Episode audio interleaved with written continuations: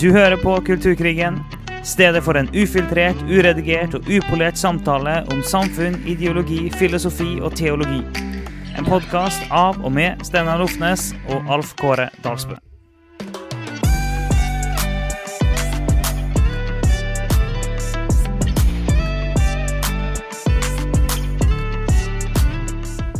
Ja, men da, da gjør vi det veldig enkelt. For at, eh, nå har vi fått oss en god lunsj. Eh, Ja, og så er, vi klar, deilig. Så er vi klar igjen. Og så kan du sikkert lure på hva i all verden snakker vi om nå, men det er fordi at vi eh, i dag spiller vi inn to episoder. Ja, og så oppdaget vi det at, eh, at vi fant ut at denne episoden, den slipper vi først. Altså den andre vi har spilt inn. Men da er det jo noen ting vi har sagt i forrige episode som ikke helt stemmer med, med tidslinjen, da. Um, Ja, så her kommer 27. april, og så spilte vi inn en før lunsj, som kommer 4. mai. Som, Ja. som vi trodde skulle komme nå. så, så sånn er det. Um, det er jo alltid faren med podkastinnspilling og det å referere ting i forrige dag eller i helgen eller noe som skjedde. At uh, det er jo ikke alltid de kommer med en gang etterpå. Men eh, det går fint. Men jeg la jo merke til at når du spiste lunsj, da, så hadde du en, eh, en overraskende kjedelig lunsj til deg å være, Steinar. Du vet hva, jeg må, jeg må bekjenne det at eh, jeg har blitt kjedeligere i lunsjveien. Eh, det, altså? og eh, jeg har blitt mer glad i frokost og brød enn jeg har vært eh, kanskje gjennom hele min eh, Men du er jo, du er jo nesten. Jeg skal ikke si en brødhater, men du er nå en eh, eh, du, du, kunne, du kunne vært en aktivist mot brød, altså. Ja, jeg kunne det. Men det skal sies at uh, det må være en krisp og ferskhet og mykhet i brød. Ok. Så dette var jo da eh, Dette var jo da sånne her eh, grove rundstykker, eller sånne her avlange som man tar i ovnen. Ok, Så den var, den var med tillegg? Ja. Mm. Og da er det krisp utenpå og sånn. Så jeg tror nok fortsatt jeg kan eh, si at jeg er en ganske kraftig sånn vanlig, vanlig brød rett fra hyllen. Hater det. Men jeg har- er blitt mer glad i frokost og lunsj og sånne ting gjennom årene. Jeg tror kanskje det er fordi at jeg har vært, jobbet mye mer hjemme. Jeg tror det er korona, faktisk, sin skyld. Ja. Ja. For er man, hjemme, er man mer hjemme i mer hjemmekontor, så får man mulighet til å bruke litt mer tid på det. Ta det når det passer litt bedre. Ha litt mer pålegg å spille på og sånn. Så har ikke det ligget liksom og blitt uh, litt sånn her fuktig og klamt og kjipt i matboks. Det er jo matpakken du misliker så sterkt. Ja, jeg tror det er matpakken jeg virkelig hater, mer enn brød, da. Ja, ja. Altså, det er Jeg har ikke så mye jeg skulle sagt, for jeg spiser ikke så mye brød sjøl heller, men jeg spiser bare havregryn og melk og den type ting. Det er, når jeg har hjemmekontor, hver eneste gang jeg har hjemmekontor, så lager jeg meg havregrynsgrøt. Det, det, jeg vurderer ikke engang om jeg har lyst på det. Har, det. Det har jeg bare bestemt meg for at jeg har lyst på, for det, det har jeg. Eh, Så det er havregryn og melk eh, hver eneste gang på hjemmekontor. Eh, Og så spiser jeg mye havregryn og melk.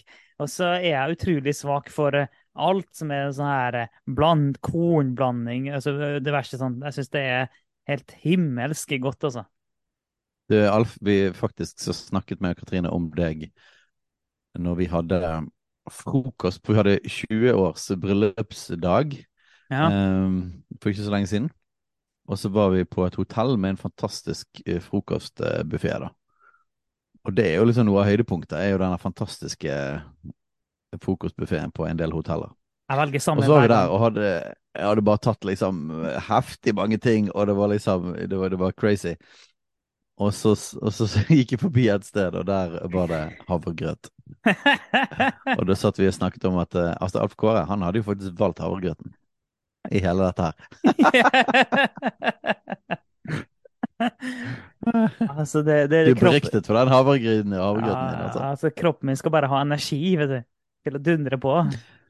Men jeg tror faktisk ikke du hadde gjort det på ordentlig. Eller jeg tror, jeg tror eh, Hvis jeg kjenner det rett, så de siste årene så har du vært sånn her eh, Du har ett instinkt, og instinktet er å gjøre liksom det samme, det er rutinen. Mm. Men så jobber du veldig sånn der, eh, disiplinert med å komme deg ut av det. Så jeg tror du faktisk hadde prøvd å gjøre noe så variert som mulig av prinsipp og disiplin. Men det spørs hva slags type måltid det er. I, I alle år, så hvis jeg spiser hotellfrokost, så går jeg til og ser på hva slags type kornblanding har de, og så blander jeg det med yoghurt, og så spiser jeg det. Det er det jeg spiser på hotellfrokost. Jeg, jeg, det, det, Det er ingenting annet. Nei, egentlig ikke. Jeg, jeg syns det er Du føler ikke at du liksom eh, du, du, du, At du Nei, er taper slit- penger? Nei, ikke... nei, det er slitsomt. Det er slitsomt å forholde meg til eh, alle de andre tingene. Jeg orker ikke å se på det engang. Jeg går til kornblanding og yoghurt. Det er, det er altså For meg som har vokst opp på havremelk, så er kornblanding og yoghurt det er jo, eh, det er en høydere i forhold. Så det er, det er helt topp. Det er en slags Men- himmel for deg, da? Bare men- at men- mange typer kornblanding? Ja, det er det. Men en, en lunsjbuffé, da er jeg litt mer på sånn. Da, da vil jeg gjerne prøve masse forskjellige ting. Ok, Så det har litt med tiden på døgnet, da? Ja, det, Nå må ikke vi gå langt inn der, for der har, det, det er mye ting som skjer i mitt liv eh, på, det, på den fronten. Så det men, vi, vi har ikke en kostholdspodkast, det har vi ikke. Nei, men, eh, Altså, det, men, det, men vi, nå når vi ikke har så heftig kraftige manus og så heftige sånne svære temaer eh, en periode her, så har vi jo litt mer rom til å snakke om litt sånne trivielle fakta. ja, det trivielle fakta, da. Jeg skal ikke gå langt inn i det. Men jeg har jo vært en slave av min egen mage. Jeg har jo vært hatt Jeg tror jeg nesten vil si det så sterkt som at jeg har hatt eh, nesten en angst for å være sulten. Jeg har vokst opp som fotballgutt og trent hele livet masse, masse, masse. Så jeg har bare spist masse, masse, masse hele livet. Jeg har bare fôra kroppen med energi, for jeg har vært så aktiv. Så jeg har vært livredd for å bli sulten. Jeg har alltid spist meg opp før jeg skal ting, for å ikke bli sulten. Alltid tatt med meg mat i frykt for eh, Hvis jeg ikke vet helt konkret når neste måltid er, så må jeg ha med meg mat. Jeg syns det har vært så utrolig ubehagelig å bli sulten. Og det skjønte jeg nå i fjor sommer. Skjønte jeg, nei, nå kan jeg ikke holde på på den måten her. Ikke, ikke, det, det blir for dumt. I tillegg til at jeg har faktisk lyst til å, å virkelig lære meg å faste mer òg, da. Det er en ting jeg lengter etter. Men så bare skjønte jeg at uh, det går ikke. Jeg kan ikke. Jeg er nødt til å bryte opp i det her. Så bestemte jeg meg for at jeg skal i alle fall lære meg å gå uh, uten mat fram til lunsj. Det var en helt enorm barriere for meg å gå til lunsj uten å spise. Å, herlighet. Og det jeg, jeg kjente når jeg gikk ut av huset uten å ha spist eh, frokost, kjente nesten at det tok tak i meg, altså. Men eh, så måtte jeg jobbe men så kjente jeg at jeg vært sulten sånn til ti-tida. Å nei, å nei, å nei, det er liksom to timer til lunsj. Kunne Kjenne frykten. Så måtte jeg bare kjempe meg gjennom den frykten. Eh, ikke så ille, da. Nå høres det ut som jeg var helt grepet her. Men så, så lærte jeg meg til at det, det er ikke så farlig å være sulten. Det er det ikke.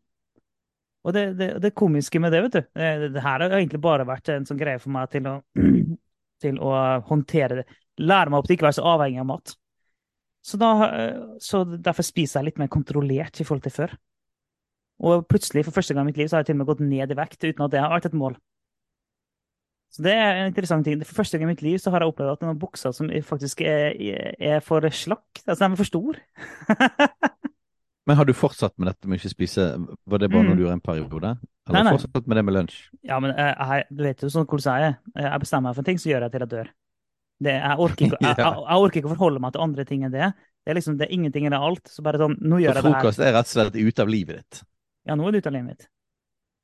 Ja, men det er jo praktisk, det. Så hvis det, du hadde, da hadde du i alle fall fått problemer hvis du skulle ha et sånt hotellopphold. Du kunne ikke spist frokost nå, da. Nei, jeg gjør ikke det. Jeg, er jeg er jo masse på, med, med, jobben. Jeg er masse på hotell. Så jeg bare dropper det.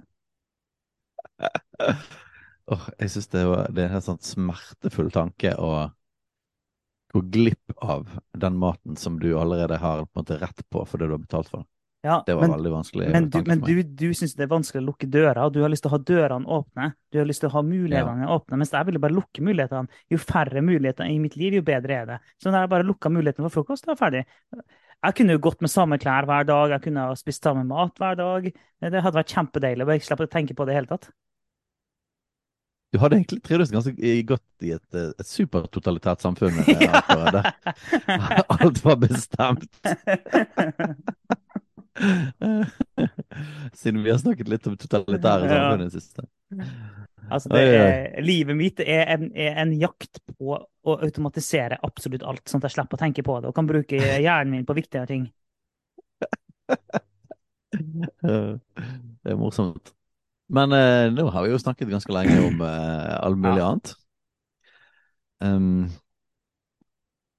det vi skulle snakke om Det, kommer, det utfordringen merker jeg da med å snakke lenge sånn, det er at du kommer litt ut av tråden Ja. av det du hadde tenkt å snakke om. Men jeg, det har vært lettest skal, å bare sånn Joe Rogan-greier der det faktisk ikke finnes noe tema. Det er bare, det er bare egentlig å snakke sånn som dette her i tre timer. ja, ja. Nei, men um, vi har jo eh, I dag spiller vi inn to episoder, og det er en grunn til det. Grunnen til det er jo fordi at uh, du skal på misjonstur. Du har lyst til å snakke litt om det, og vi, har lyst til å, vi, har, vi er ofte innom litt sånn Vi har hatt flere episoder av mekkelse og opplever at Gud gjør ting. Jeg har lyst til å touche litt innom de tingene i, i dag, da. Ja, vi har eh, i den siste tiden så har vi gjort denne podkasten til litt mer sånn kulturkrig og vekkelse-podkast. Eh, og det føl føles egentlig ganske greit. Det føles ut som en god, god balanse i ting. Så vi fortsetter med det.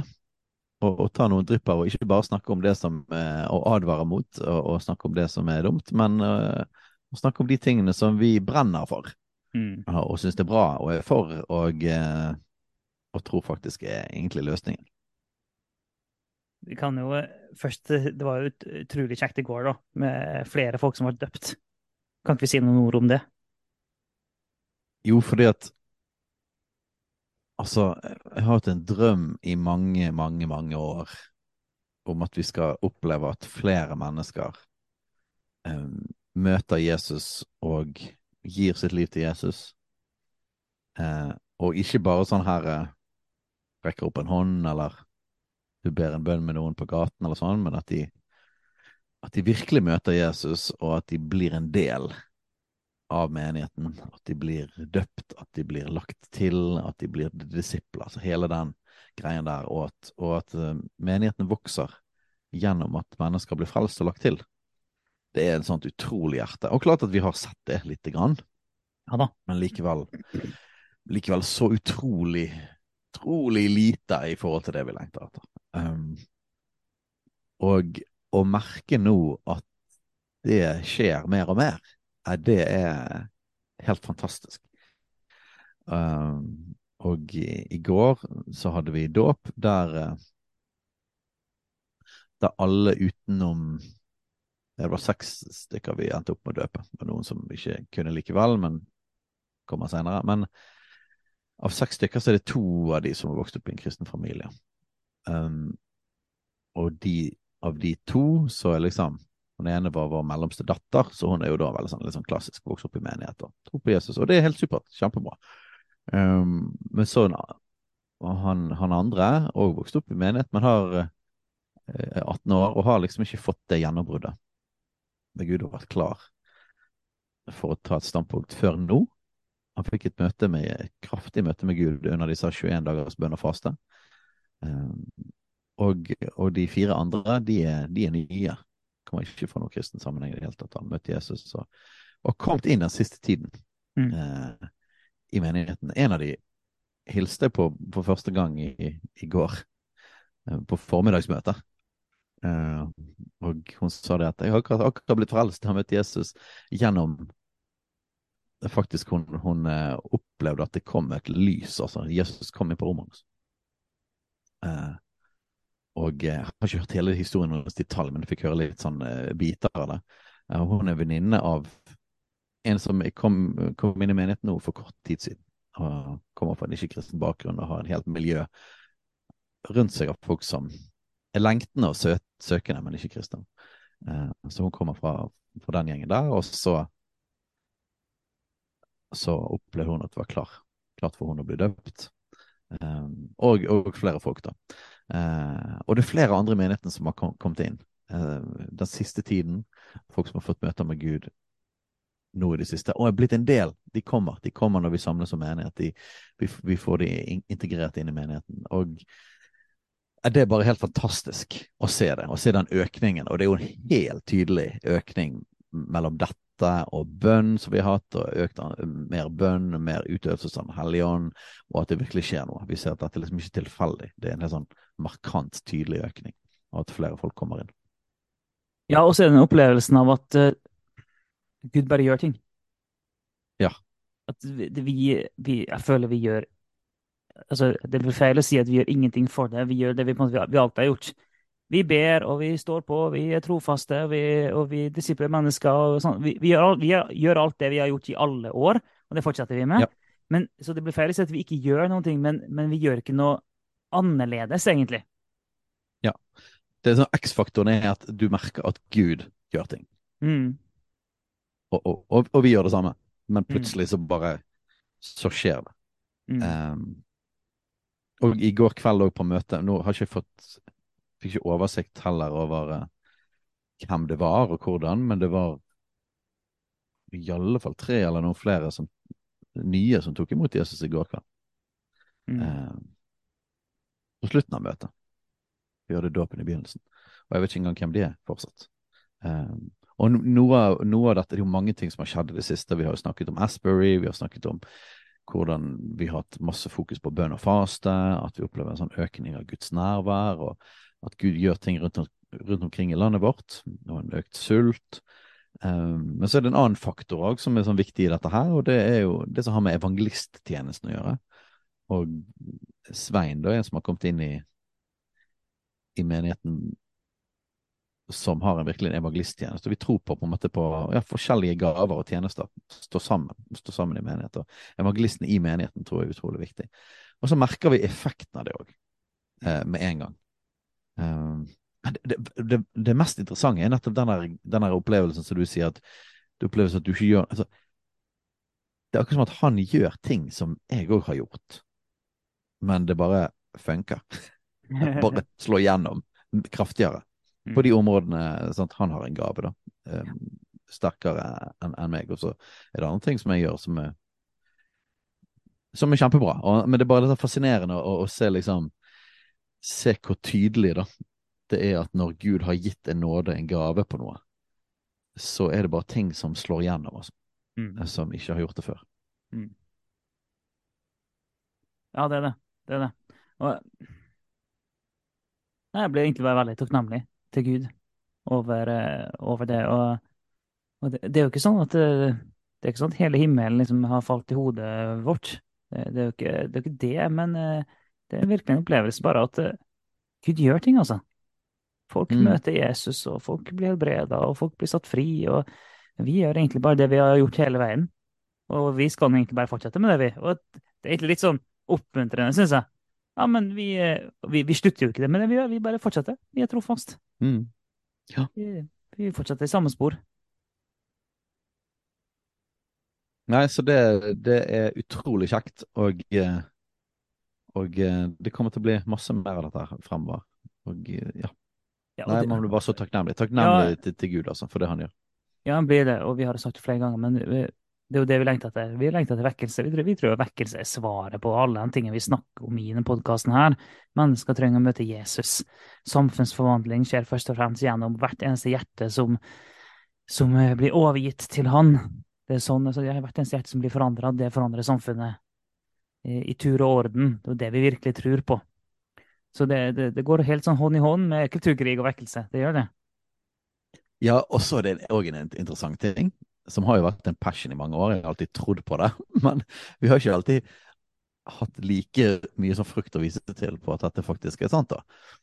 Og det er det at eh, disse folkene som møter Jesus, de eh, Det virker ikke som de blir støtt av at uh, vi holder på voldsomt. Det er fullt trøkk i lovsangen, og det er folk som danser, og det er høylytt, og, og vi forkynner radikalt, og vi snakker om kontroversielle ting. og eh, Og vi har lang lovsang. og vi har lang lovsang, vi har lange møter, vi har lang forkynnelse. Men uh, Men greien er at Jesus møter dem.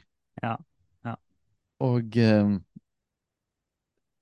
det hele tematikken med at vi er støtende og sånt, jeg opplever jeg mye mer som en intern kristen ting Mm. uh, enn en Faktisk, selvfølgelig vil det være noen typer mennesker og sånne ting, men, men det er ikke sånn nødvendigvis at alle mulige folk ute i samfunnet vårt blir så fryktelig støtt av at vi er tydelige og mener ting, og at vi holder på med det vi holder på med. Ja, eller at møtene må være så utrolig godt tilrettelagt for alle Mm. mulige slags type folk, for at de ikke skal støttes vekk. Jeg sier ikke det at det, selvfølgelig kan det skje, at folk kan bli støtt vekk. At det kan skje. Poenget Poenget er bare at eh, vår erfaring er at ja, det kan skje, men det er, ikke, det er egentlig ikke et problem. Altså, det, er ikke, det, er ikke, det, er ikke, et- problem av et sånt omfang at det, det er sånn å nei, eh, det er ingen som kommer inn for at alle vil bare støtte og få stikke ut igjen for at vi har litt lange møter og vi er litt voldsomme, på en måte. Det er egentlig ikke et problem, altså. Nei, faktisk, de folkene som jeg møtte siste, de sier bare 'her vil jeg være med', liksom. Mm. Gud er her, jeg vil være med. Liksom Um, Deres første opplevelse med menighet. For mange av disse folkene eh, har jo blitt kjent med dem. Dette er de første, første gang de har vært med i menighet. Mm. Uh, og, og de har aldri opplevd disse tingene før. Og de bare sånn Yes! liksom, dette skal, Og, og hvor, hvorfor det, da? Nei, det er fordi de møter Gud. Altså, det, Ja, det har Enkelt og greit. Ja. De opplever at Guds nærvær er der, og de opplever at den guden som de har møtt, som de Ja. har erfart, den opplever de er i rommet. Mm. Og derfor vil de være der.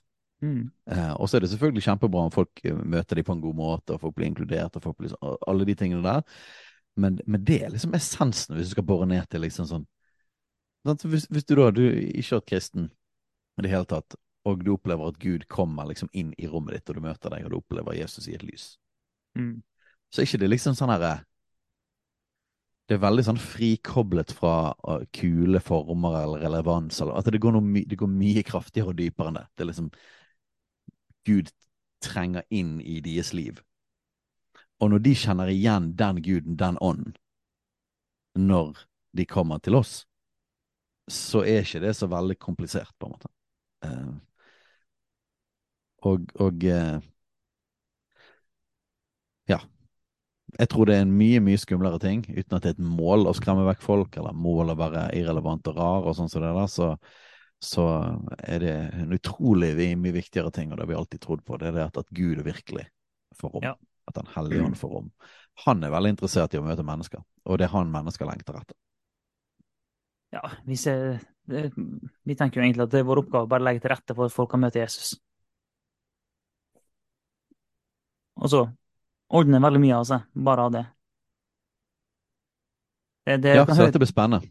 Ja, det, det, men så, jeg sa jo det med at vi, vi spiller inn to episoder, episoder i dag fordi du skal av gårde. Og det er ikke Mm. til et hvilket som helst sted du skal, da. Det kan vi jo si. Ja, du skal til Ukraina. Mm. Og skal faktisk ta med meg min eldste datter til Ukraina. Hun er 15. Det høres veldig voldsomt ut når du sier sånn. Ja, det gjør det. Det er derfor jeg sier det, for det høres litt gøy ut å si det. Men, eh, men vi, skal, vi skal til en eh, Vi skal være helt vest i Ukraina.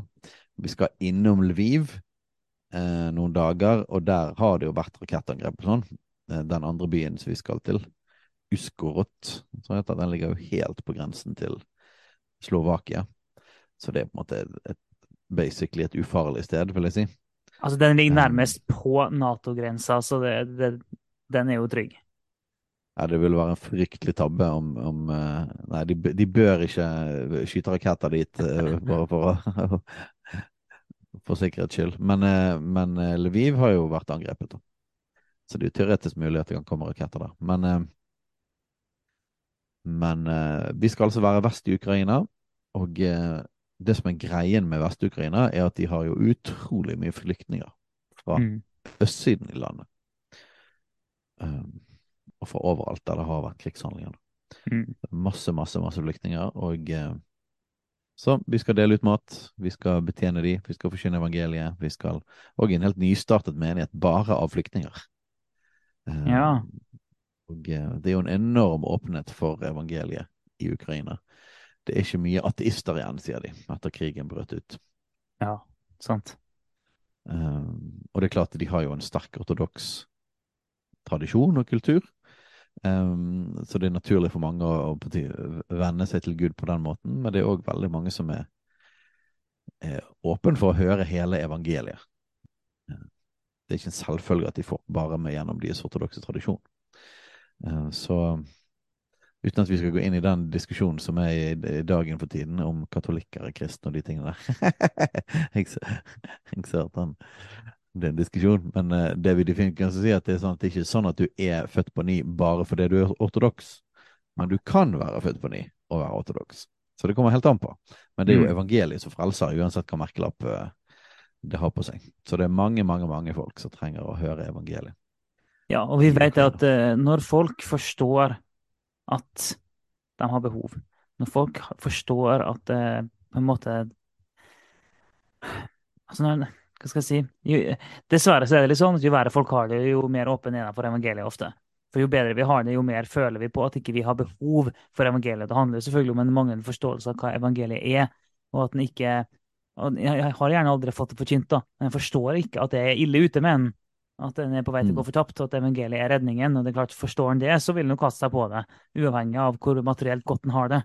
Men det er en utfordring i Vesten og i Norge det at vi har det såpass materielt godt at ikke det en føler et behov for frelse. Det er en greie. Men, men det, når du snakka, så begynte jeg å tenke på um, Jeg var jo på misjonstur en gang i Moldova. Snakka med et misjonærpar som var der, som hadde kommet inn der for sånn ganske kort tid etter Sovjetunionens fall og sånn. Og, og da fortalte han at eh, folk, etter å ha vært liksom bak jernteppet i så mange år, sa han det at eh, du kunne bare ta med deg en bruskasse. Kunne gå, gå hvor som helst. Sette bruskassa på, på bakken, gå opp på den og begynne å forkynne evangeliet. Og fullt av folk vært frelst. Etter så mange år var folk, folk opptatt helt sånn sultefòra på evangeliet, sa han. Så kunne de bare gå hvor som Ja. helst og forkynne evangeliet, og bare skara ga livet sitt til Jesus. Ha, Så det. det, så det tenkte jeg bare på når du snakka om alle flyktningene og sånt, og, og, og de behovene de har. Altså, evangeliet slår inn med enorm kraft altså, i sånne situasjoner. Fordi folk forstår i større grad at de har behov for en frelse. Ja, ja.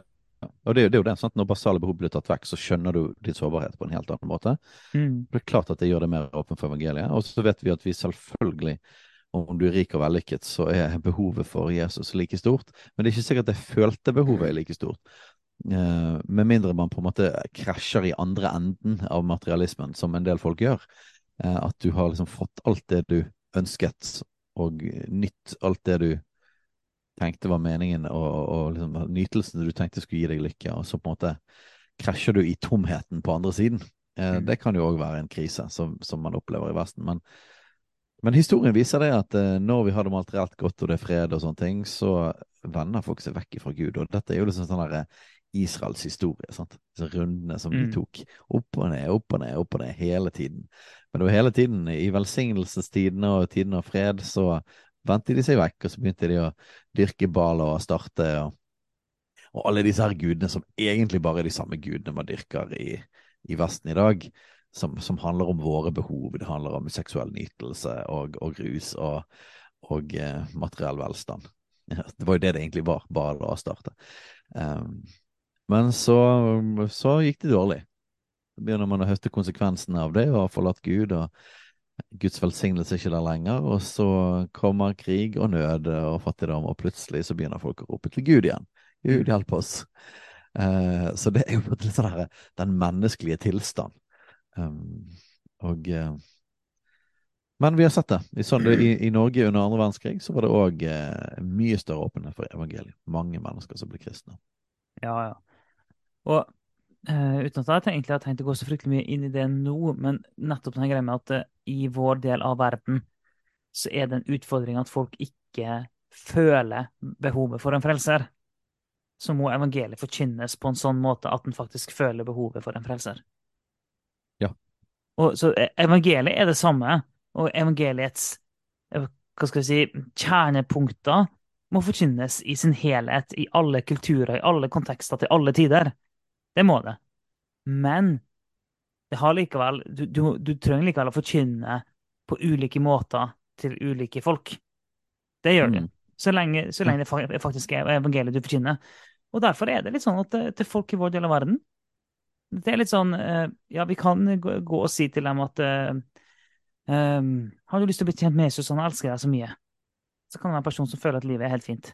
Sånn, ja, det var noe hyggelig at han elsker meg så mye, men eh, jeg har det fint, jeg også. Jeg har, ikke noen voldsom interesse for å bli kjent med Jesus.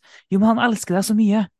Ja, det er fint, det også. Det, det, er glad for å høre det. Jo, men han, han døde for deg. Ja, det var, var voldsomt, men hyggelig.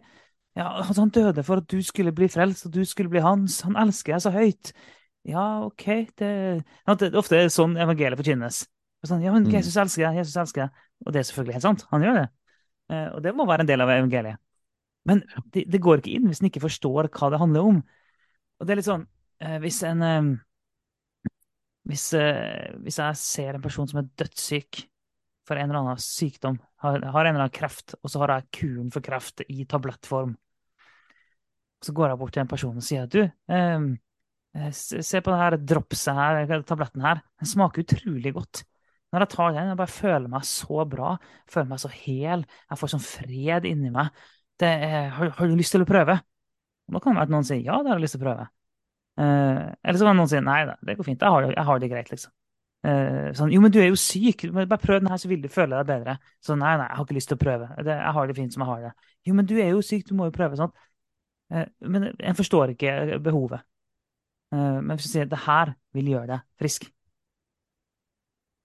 da forstår en behovet. Så evangeliet må forkynnes. Ja, og da kommer vi tilbake igjen til denne her med at uh, skal du forkynne de gode nyhetene, må du forkynne de dårlige nyhetene. Mm. At, uh, de gode nyhetene er ikke gode uten de dårlige. Nei. Vi må forstå behovet vårt for en frelser, uh, og da må vi òg skjønne det at vårt problem er synd. Så til og med om vi har et godt liv, godt materielt, og kan, vi har fred, og vi, vi kanskje har fått, fått fylt mange behov, så er vi likevel i en åndelig tilstand der vi er desperat behov av en frelser. Eh, og så er det òg det med ikke bare forkynne denne siden av livet, altså denne, denne siden av døden. Men at, uh, men at det faktisk finnes to utganger av livet. Uh, dette her ble jo òg debattert nå etter påsken. Det ble spurt om biskoper blant annet trodde på oppstandelsen. Uh, og, så oppstandelsen og evigheten er viktig å forsyne. Fordi at, eh, at, vi ikke bare Vi lever ikke bare dette livet, men hva skjer når vi en gang dør? Hva med evig liv, evig fortapelse og de tingene der. Så, så evangeliet må forkynnes sånn at man forstår eh, at man faktisk har et behov. Um, og at når vi forkynner de tingene så vil Den hellige ånd ta tak i det og vil utfordre mennesker. Så uh, det er en stor fare å forkynne bare hva vi kan få, et slags konsumentevangelium i en konsumentkultur. Mm. Eh, det kan lett bli at man vil putte Jesus på toppen av alle de andre tingene. Eh, Jesus på toppen av alle de andre produktene som jeg konsumerer for min egen lykke. Så vi kan ikke forkynne et sånt evangelium. og eh, så, så når, man, når, man, tenker det at vi har det bra, så må man på mange måter ved Guds nåde forkynne at folk har det egentlig ikke bra. Eh, i alle fall ikke i, i, i evigheten. Og så er det jo selvfølgelig det at vi kan forsvinne inn i, inn i hele den tomheten eh, som òg fins av at har virkelig disse avgudene funket for deg? Har, vi, har, virkelig denne kulturen og det denne kulturen lover eh, av lykke og tilfredsstillelse, har den, har den holdt det den lovde? Fikk, fikk, du, fikk, du, den friheten og lykken og, og, og, tilfredsheten som du kanskje lengter etter å øke. Det kan vi selvfølgelig forsyne inn i, fordi at det finnes en åndelig fattigdom, og det finnes en psykisk helsekrise som pågår òg i vår del av verden, som gjør at det finnes en del kan du si, sjelelig nød. Ja, mye meningsløshet. Det er jo en av tingene som virkelig ja. mange kan kjenne på i dag, det er jo meningsløshet. Og når vi snakker mye om sånn psykiske lidelser, depresjon og sånn, så, er, så går det mye på det. Det er meningsløshet, og at en ikke vet hvem en er. Og, mm. uten at vi skal gå langt inn i det nå, men uh, sånn at, okay, jeg vet ikke hvem en er. Det, og det, derfor søker en jo alle mulige slags uh, nye identiteter. Man prøver desperat å skape seg en identitet som en kan finne et hjem i, og, og, og slå seg til ro med. Så, og så oppdager en gjerne at en ikke kan det, da, så må en finne nye identiteter for å fortsette å skape og nyskape og videreutvikle identiteten. men det er det som er så fantastisk med evangeliet. Men Jesus har allerede gjort det. Han har altså alt, alt er gjort klart. Det er sånn, Vår identitet ligger ferdig. Skal ikke gjøre det sjøl. Tenker på noen skriftsteder. Både Jesus sier 'salig er de fattige ånden'. Mm.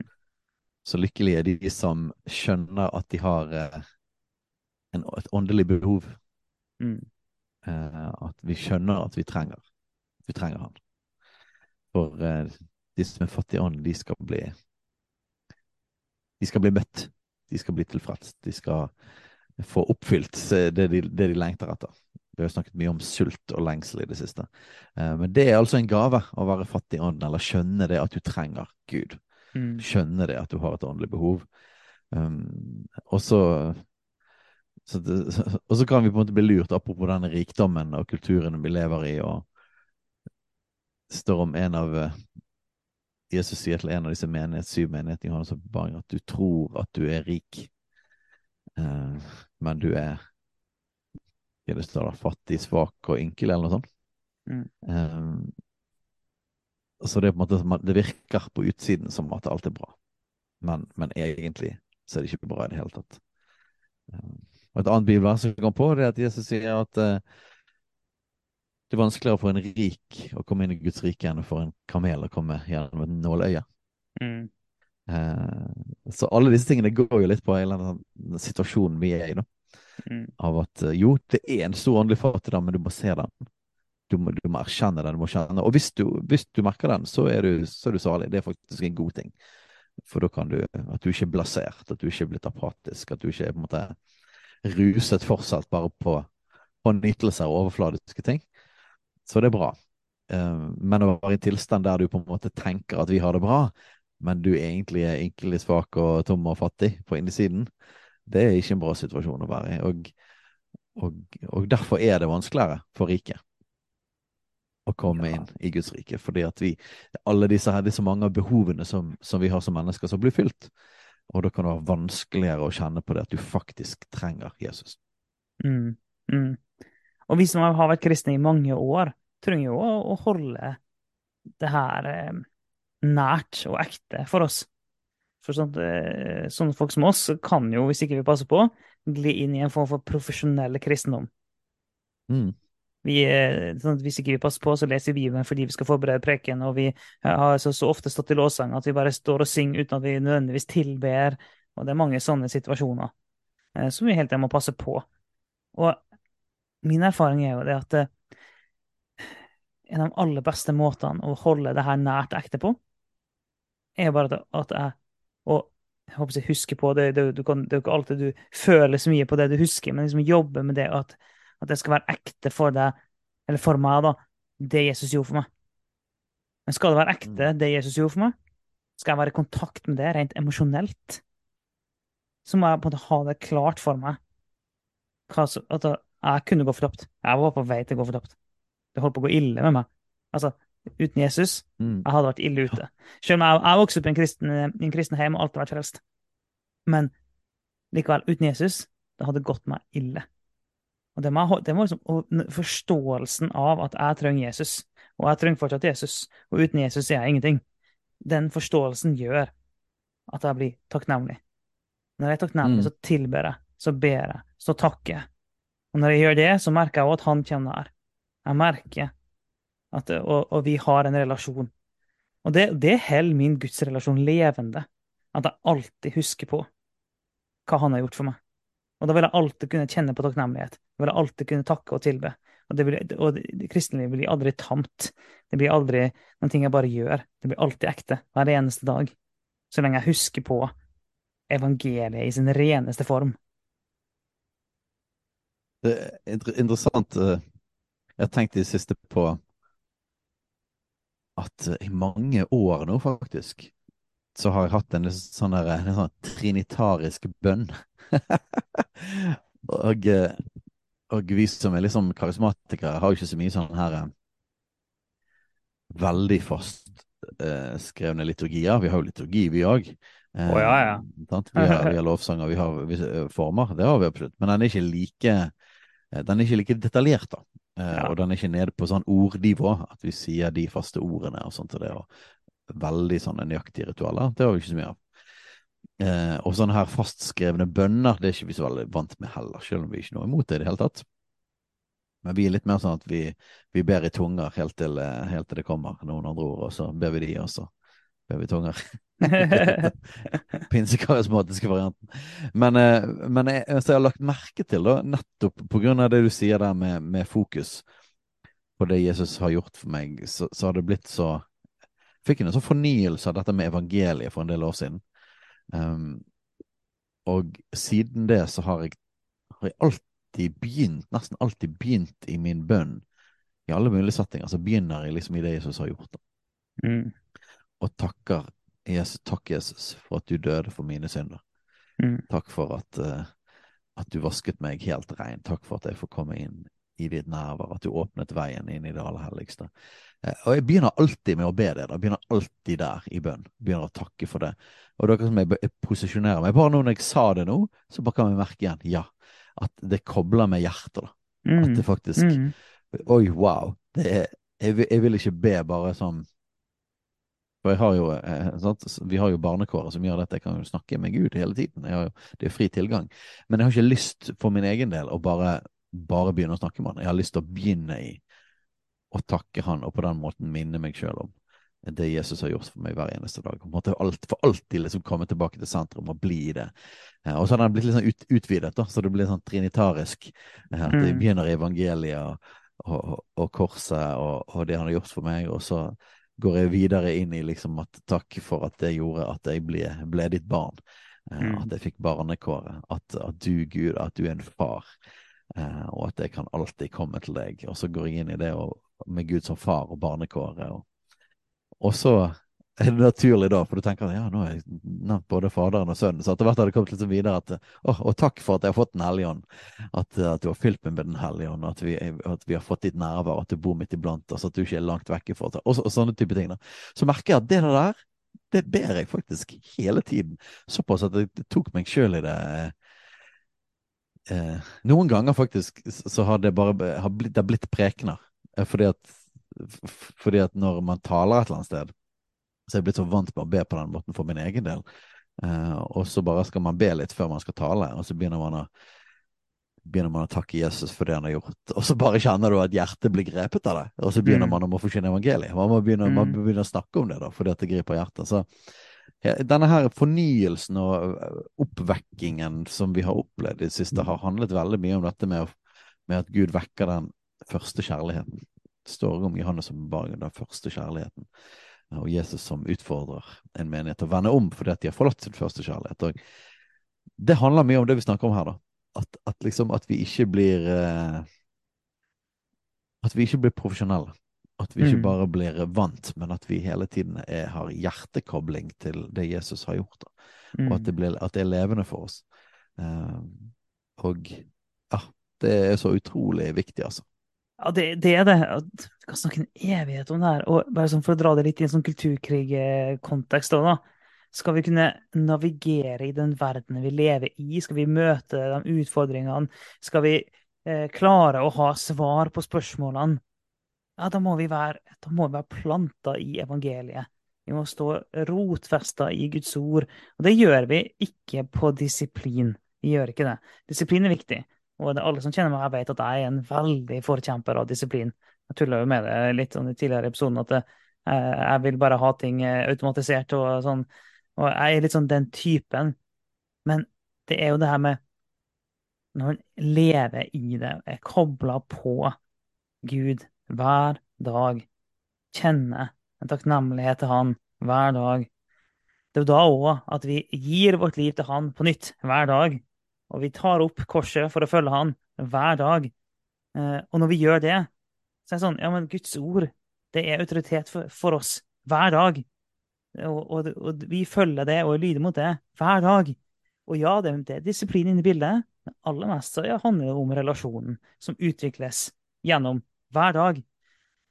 Det er jo derfor sånn det er, er det én ting kristne trenger for å leve i verden i dag, og ikke bare i dag, det har sånn vært hele historien, og vil være videre òg, så er det nettopp det her med kjenne Jesus, være kobla på han hver dag. Hver dag. Og det kan bare ikke understrekes nok. For det er det vi gjør hver dag. Det er det som former oss mest av alle ting. Alltid. Det vi gjør hver dag. Hvis du har lyst til å vite hvordan livet ditt vil utvikle deg ti år fram i tid, se på hva du gjør hver dag. Det definerer hvor hen du er om ti år. Sånn er det. For alle. Åh, jeg kom på et Bill Johnson-sitat som er veldig bra. Og det er 'Passion makes discipline easy'. Ja. Eh, og den er bra. Ja, den er veldig bra. Vi trenger disiplin. Vi trenger Ja, ja. Men det er noe av hvor kommer den drivkraften fra? Sant? Er det, Mm. eh, eh, hvis det er disiplin ut fra en person og ut fra et hjerte, så er disiplin et utrolig nyttig verktøy. Men, men, men disiplin uten passion er, blir jo kjapt religion, da. Eh, og eh, så når pasjonen holdes ved like, så, så, spiller det veldig godt sammen med disiplin. Og det gjør disiplin enkelt, og vaner så mye mm. enklere. For, det, for det, det, kommer fra en lengsel etter vi, vi ønsker virkelig å kjenne Gud, og vi ønsker en levende relasjon med Gud. Det er Nå var det ikke helt hit jeg så for meg at episoden skulle gå, egentlig.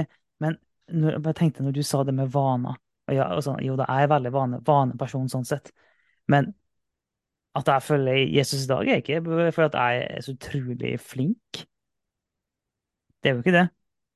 det, er, mm. det er, men jeg har heldigvis klart å få inn noen vaner som, som har båret meg. Og det har bare alt å si.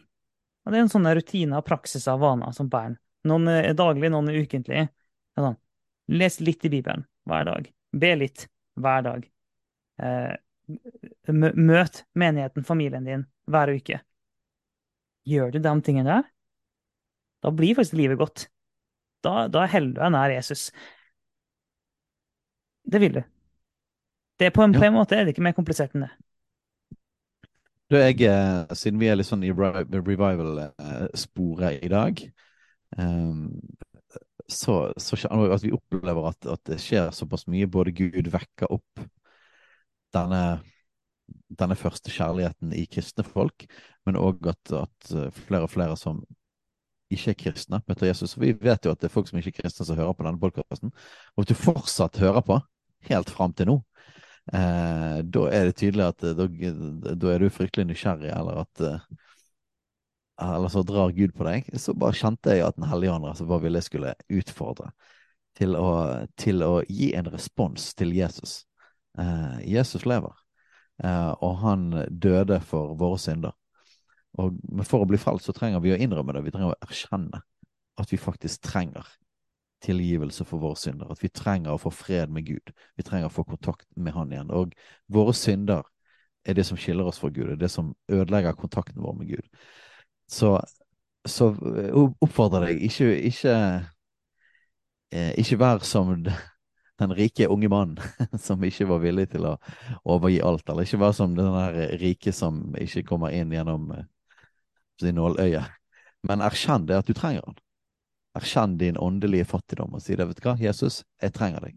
Jeg trenger at du tilgir meg. Jeg trenger å få kontakt igjen med deg. Um, så, så, si det til Jesus. Si det at, at, at, jeg vil kjenne deg. Jeg vil møte deg.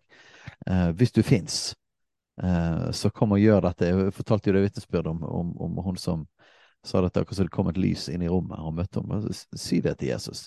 Hvis du faktisk finnes, hvis dette her de snakker om faktisk er sant, så kom og møt meg. Og så vil jeg utfordre deg. Eh, gi ditt liv til han, og følg han med hele ditt liv. Eh, det, vi tror at det er meningen med livet. Vi tror at det er sentrum av eksistensen. Både for dette livet her, for det, det evige livet. Det begynner her med å kjenne Han. Um, men ikke minst i evigheten. At vi får leve sammen med Han for alltid. Så jeg bare opplever Den hellige ånd bare trykker på det, altså. At, at, du som ikke kaller deg en kristen, hører på dette. Uh, overgi ditt liv til Jesus.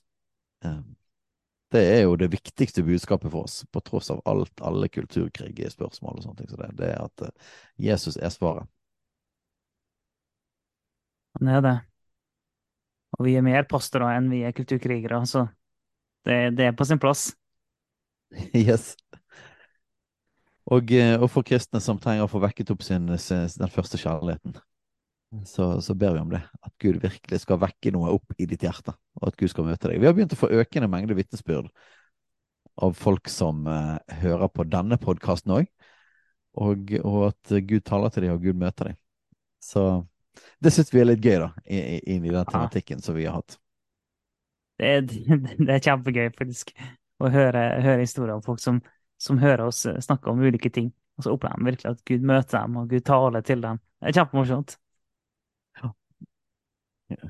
Altså, grunnen til at det er morsomt, er at vi er vant med det i alle mulige andre settinger når vi har møter og når vi har liksom andre tematikker. Ja. Sånn. Men når vi har snakket om mye ideologi og kulturkritikk, så hadde vi Altså, vi har tenkt at det er viktig, og det, og det, er viktig å informere folk og snakke om det og vekke på den måten.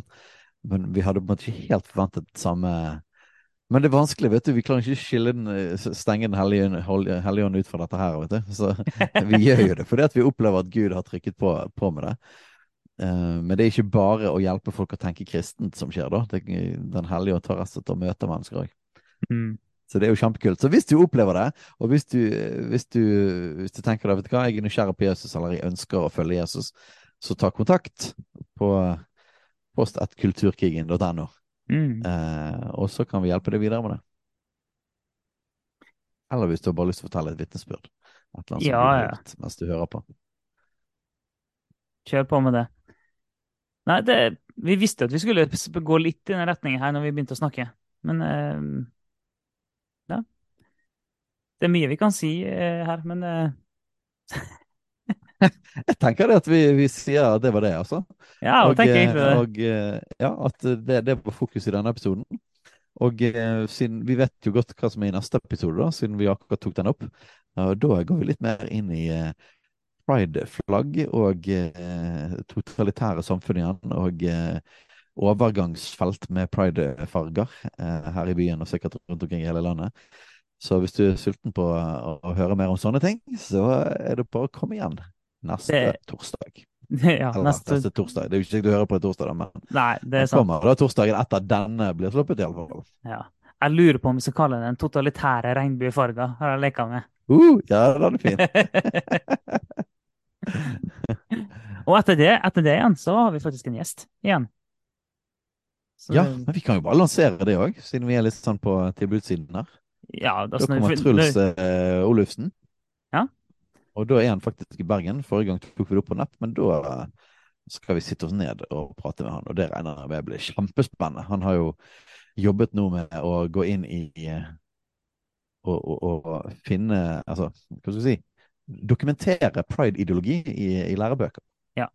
Og han fortalte det til oss, det er litt om det arbeidet når vi hadde en prat med han før jul. Men han har kommet mye Mm. lenger i det nå, da. Så jeg tenker at vi tar og følger opp det, i alle fall, og sikkert andre ting òg. Og nå er jo det fortsatt en ukes tid til vi får en prat med han. Ehm, så eh, hvis folk er veldig raske når de hører det her, hvis de har noen spørsmål eller ting de vil at vi skal ta opp med Truls, så kan Ja. de faktisk eh, sende inn det til oss. Hvis, du, Ja, hvis du er veldig rask. Det er, vi, vi, hvis du rekker å sende det til oss før 1. mai, så eh, kan, kan det være at vi kan få det med. Ja, men supert. Nei, men eh, da tror jeg vi sier at det var i dag. Det var i dag. OK. Ha det, Ha det godt. Takk for at du lytter på Kulturkrigen. Om du har tilbakemeldinger, spørsmål, hva som helst egentlig, send inn til postalfakrøllkulturkrigen.no eller på sosiale medier.